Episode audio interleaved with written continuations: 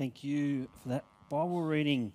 Um, friends, yes, uh, we start a different book today of the Bible, uh, Ezra, which Alan has uh, introduced well. And, uh, you know, if you want to steal his commentary, you can.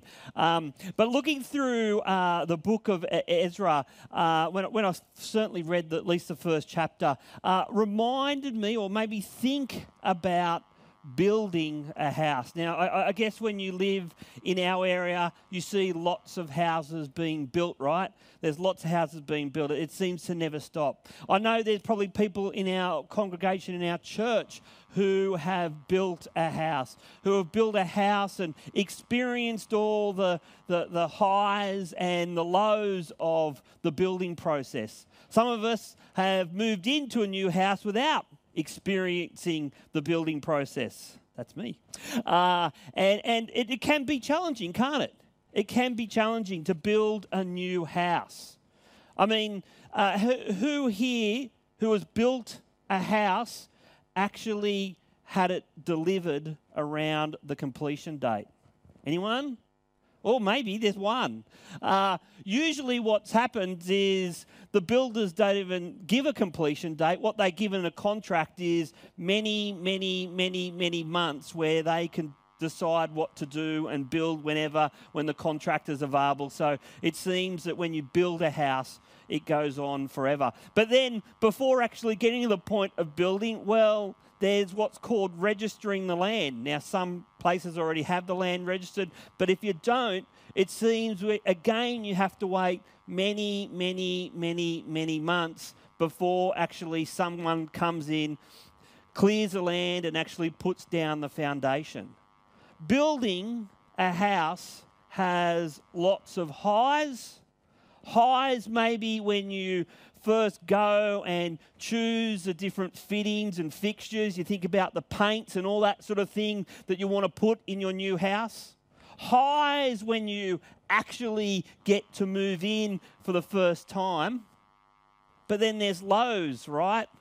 Lows while you wait lows when you actually do move in and find faults, or you find things where the builder actually hasn't followed the plans, or you look at those fixtures and fittings that you chose and they're actually not what you thought they were going to be like. So building building a house has highs and lows. But as we come to Ezra, well, there's a lot bigger building project happening here. A building project for God's people at the time that was much more significant than building the family home. As this building project is rebuilding the temple, the place where God's people did their religion and where they come to worship Him. Now, I'm not sure if anyone in the room has done a knockdown rebuild building project before. But here in Ezra, well, we have a knockdown. A knockdown which was caused by the Babylonian Empire, the empire before the Persian Empire, who came into Jerusalem, smashed the city, and also smashed the temple. And now the rebuilding project starts. And from the face of it, it looks like this new superpower which is, which is on the scene, Persia, with their new king Cyrus. Well, they're the ones that are in charge of what's going on. But if we think it's just a human initiative, well, we'd miss the point. Because King Cyrus and also God's people are used by God as their instruments to fulfill his plans. So, as we come to the first section of Ezra today in chapters 1 and 2, we see two hugely important things. One, God moves human leaders to fulfill his plans. Two, God moves his people to build and shape them. So, first, God moves human leaders to fulfill his plans. Now, straight from verse 1, we could see history, fulfillment of God's word, a new king, all coming together at the one time. What does it say? Well, it says, In the first year of Cyrus, king of Persia, in order to fulfill the word of the Lord spoken by Jeremiah, the Lord moved the heart of Cyrus, king of Persia, to make a proclamation throughout his realm and also put it in writing. So we find ourselves in the year 530 BC. It's now been 50 years after the exile. Now, the exile that happened because God's people were disobedient and they didn't repent of their sins.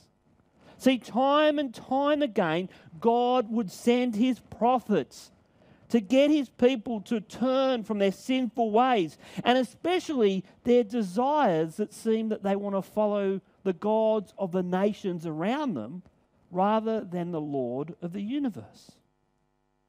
And we can see this through biblical history. We could see that God's people, including their kings, were very, very stubborn and kept on sinning. So, in biblical history, another significant event in 722 BC is the fall of the no- northern kingdom, which is crushed by the Assyrian Empire. Now, God used this event God's prophet spoke about this event as a warning to the southern kingdom, Judah, to reform their ways. But time and time again, the prophets came and they didn't listen. So God uses the Babylonian Empire. The Babylonian, uh, Empire wages a series of battles against Judah and the kings until 587 BC when Jerusalem was destroyed along with the temple. So now we're in 538 BC, and there's a new superpower on the scene. It's the Persian Empire. And in the first year of King Cyrus, well, they defeat the Babylonian Empire. And it now allows the king of Persia Cyrus to allow God's people to return and rebuild their city and the temple. Now, the other thing that comes up in verse 1 is that this is fulfillment of Jeremiah's prophecy. And Jeremiah speaks about these events which unfold in his prophecy, and especially in Jeremiah 29. And some of us might know this passage well. From verse 10 This is what the Lord says When 70 years are completed for Babylon, I will come to you and fulfill my good promise to bring you back to this place. For I know the plans I have for you, declares the Lord plans to prosper you and not to harm you, plans to give you hope and a future. Then you will call on me and come and pray to me, and I will listen to you. You will seek me and find me when you seek me with all your heart. I will be found by you, declares the Lord, and will bring you back from captivity. I will gather you from all the nations and places where I have banished you, declares the Lord, and will bring you back to the place from which I carried you into exile. Now, this passage gives context to Ezra. So it's not the passage that we go to to make ourselves feel better about our future or our own personal prosperity. This passage is fulfilled in Ezra when God's people begin their return from exile not only return, but they rebuild their place of worship, which is the temple. See, Jeremiah 29 actually gives hope to the exiles. The prophecy is now fulfilled in Ezra when the people begin this return. But as Ezra 1 indicates, these aren't simply random events or coincidences that happen. No, these words happen because the Lord moved the heart of Cyrus, king of Persia. The Lord moves. Very, very important words. The Lord moved. And actually, when you look a bit deeper into this verse, well, you see that our favorite Old Testament word, which we looked at when I spoke about the work and the person of the Holy Spirit, especially in the Old Testament, the word ruach is used. And this word actually has a very vast range of meanings. And here, and also in verse 5, it's about God changing people's hearts and minds to do his will. The Lord Ruach, the heart of King Cyrus. Now, as we move on in the passage and read King Cyrus's proclamation, well, some in the past have actually said that King Cyrus must have become a follower of God to do what he did. But then, in 1879, an archaeologist called Hormuzd Rassam, working for the British Museum, digging around the ruins of Babylon in Iraq, discovered this bizarre thing that you see on the screen. This cylinder called Cyrus's cylinder.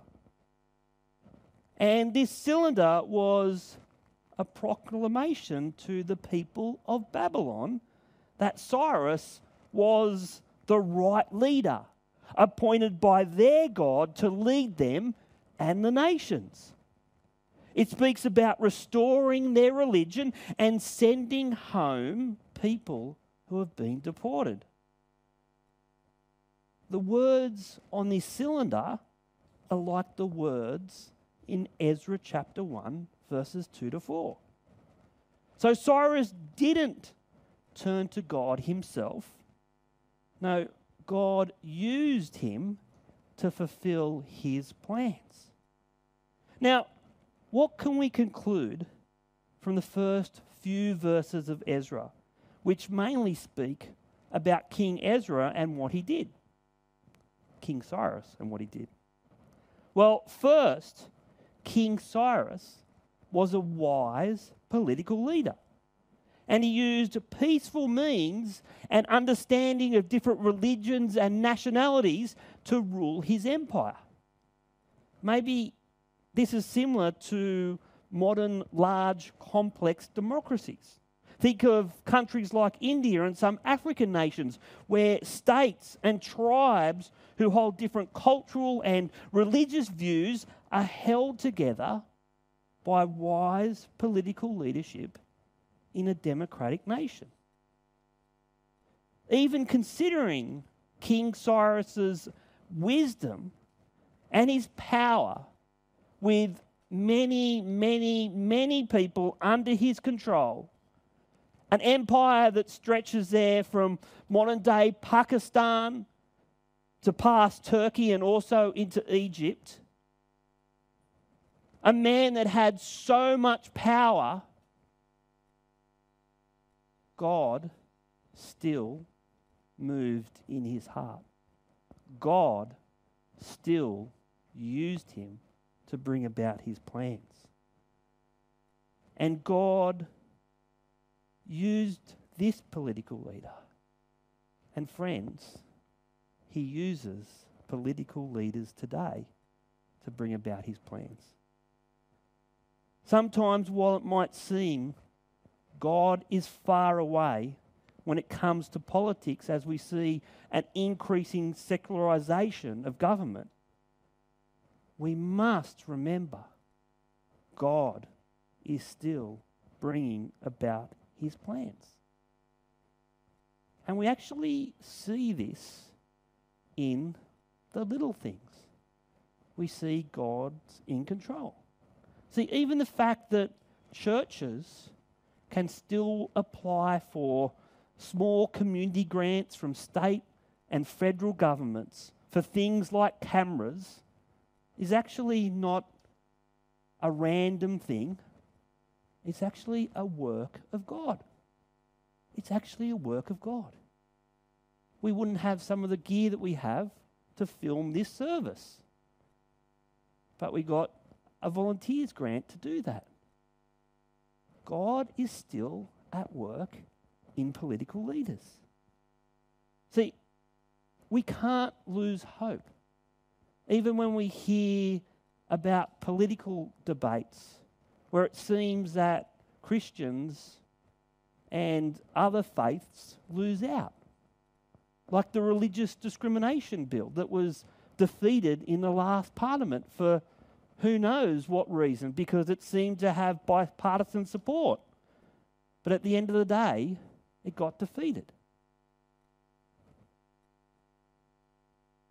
We can't lose hope because God uses all means at his disposals to bring about his perfect plan. His perfect plan where we will see not King Cyrus ruling on the throne, we will see Jesus ruling on the throne in the new heaven and new earth. That day will come, friends. It's written in God's word. We will see King Jesus. And God will continue to work in this world to bring about this day. Friends, as Christians, we know, oh, sorry. Uh, as Christians, we know that God is in control.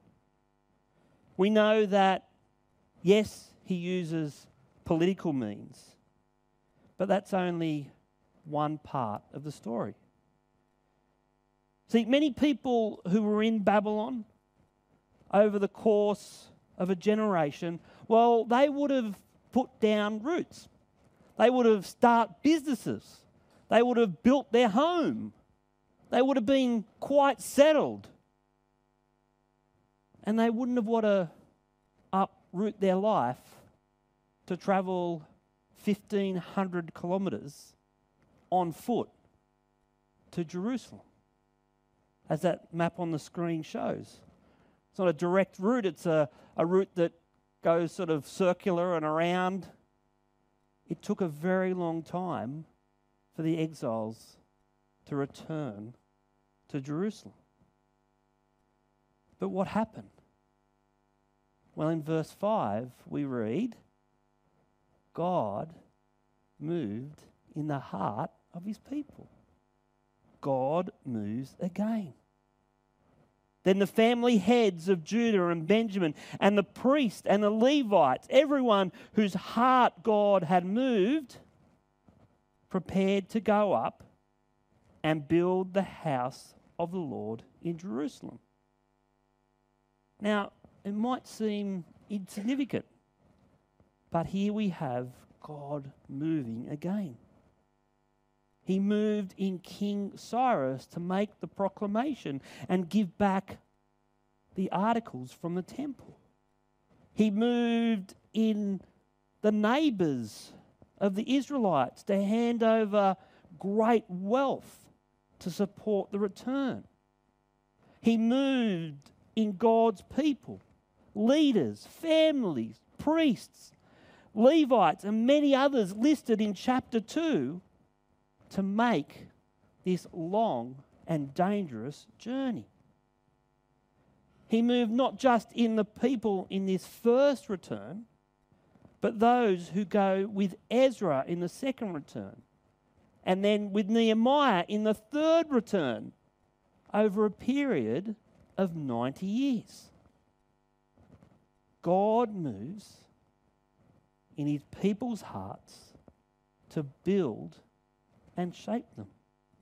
build and shape them because returning home to the promised land was very important for how they worshiped God. And building the house of God, the temple, was key to how God wanted them to worship. The temple was where God lived among his people in a very real way. It was the place of sacrifice and festival. It was the place where you got right with God through the priests atoning for your sin and the sins of the nation by performing sacrifices on the altar. It was the place where you worshipped God rightly. Now, as Christians, we know that God's temple is in us through the Holy Spirit. And God's house, well, it's the church, which is described as the body of Christ. And this body grows as spirit filled people worship God together and build each other up by trusting Jesus more and lovingly serving each other. But we can't simply say that the temple was insignificant because it was just something in the past that doesn't exist today. No, the temple was a visible sign of Jesus to come as it promised the presence of God with us. It promised that the living Word of God would one day become flesh and dwell among us and that the Son of God, Jesus Christ, would, we, would be both perfect high priest who meditates for us and the perfect sacrifice who takes away the sins of the world. The temple looked forward to something better, and it looked forward to Jesus coming to earth. God dwelling amongst us. And the temple looked forward to the Holy Spirit dwelling in those who trust in Jesus.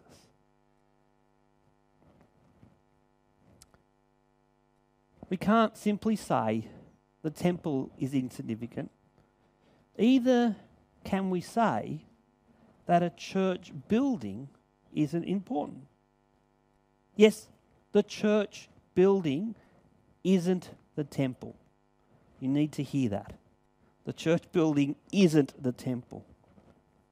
But a church building is a place of permanency in a community.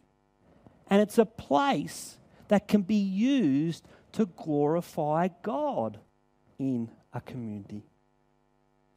I also think that many of the people who we are trying to reach in this area with the good news of Jesus actually believe that a building is really important to do religion in.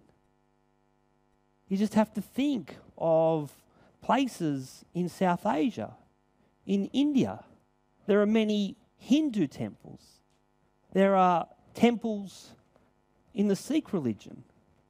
And there are many, many beautiful cathedrals. Buildings are important if they are used to glorify God. But what else do we see? Well, we see as God's people repair, prepared for their return, we see an amazing blessing going on and a blessing that is like the first Exodus, with neighbours handing over silver articles and gold articles, goods and livestock and valuable gifts to the people as they set about returning. We read Cyrus returns the 5,400 articles which were taken from the temple by the Babylonians. We see in chapter 2 God's blessing with leaders like Zerubbabel, who is in the line of King who is in the line of King David and is a relative of Jesus. We see the promise continuing on.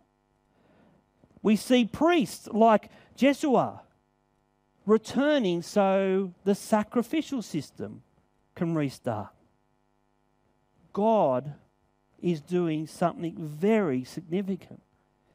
He's rebuilding his people along with their religious practices in this second type Exodus event where they are returning to the promised land. Friends, as we close today, we must remember that God's providence exists today.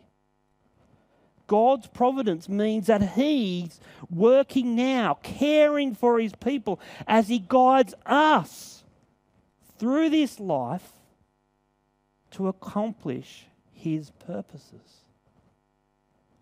We've learnt this as we've looked at the Trinity recently. We've seen where the Father, the Son, and the Holy Spirit work together in many ways.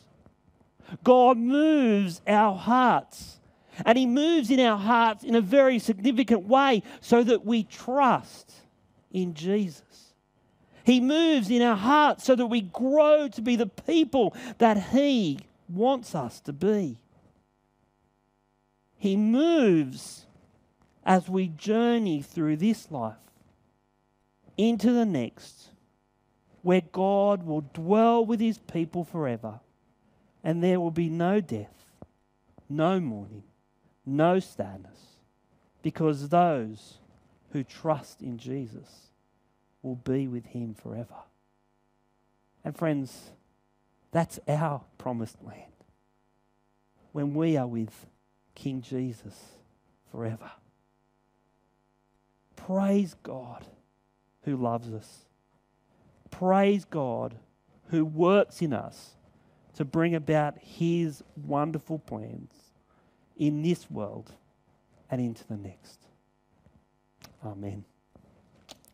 Father God, we just want to praise you today for who you are. We want to thank you that you move in people's hearts to bring about your plans. We want to thank you that you have moved in our hearts to bring us to trust in your Son, Jesus. Father God, we are so thankful that you love and care for us so much. We are so thankful that you will lead us home to be with you forever and ever. In Jesus' name we pray. Amen.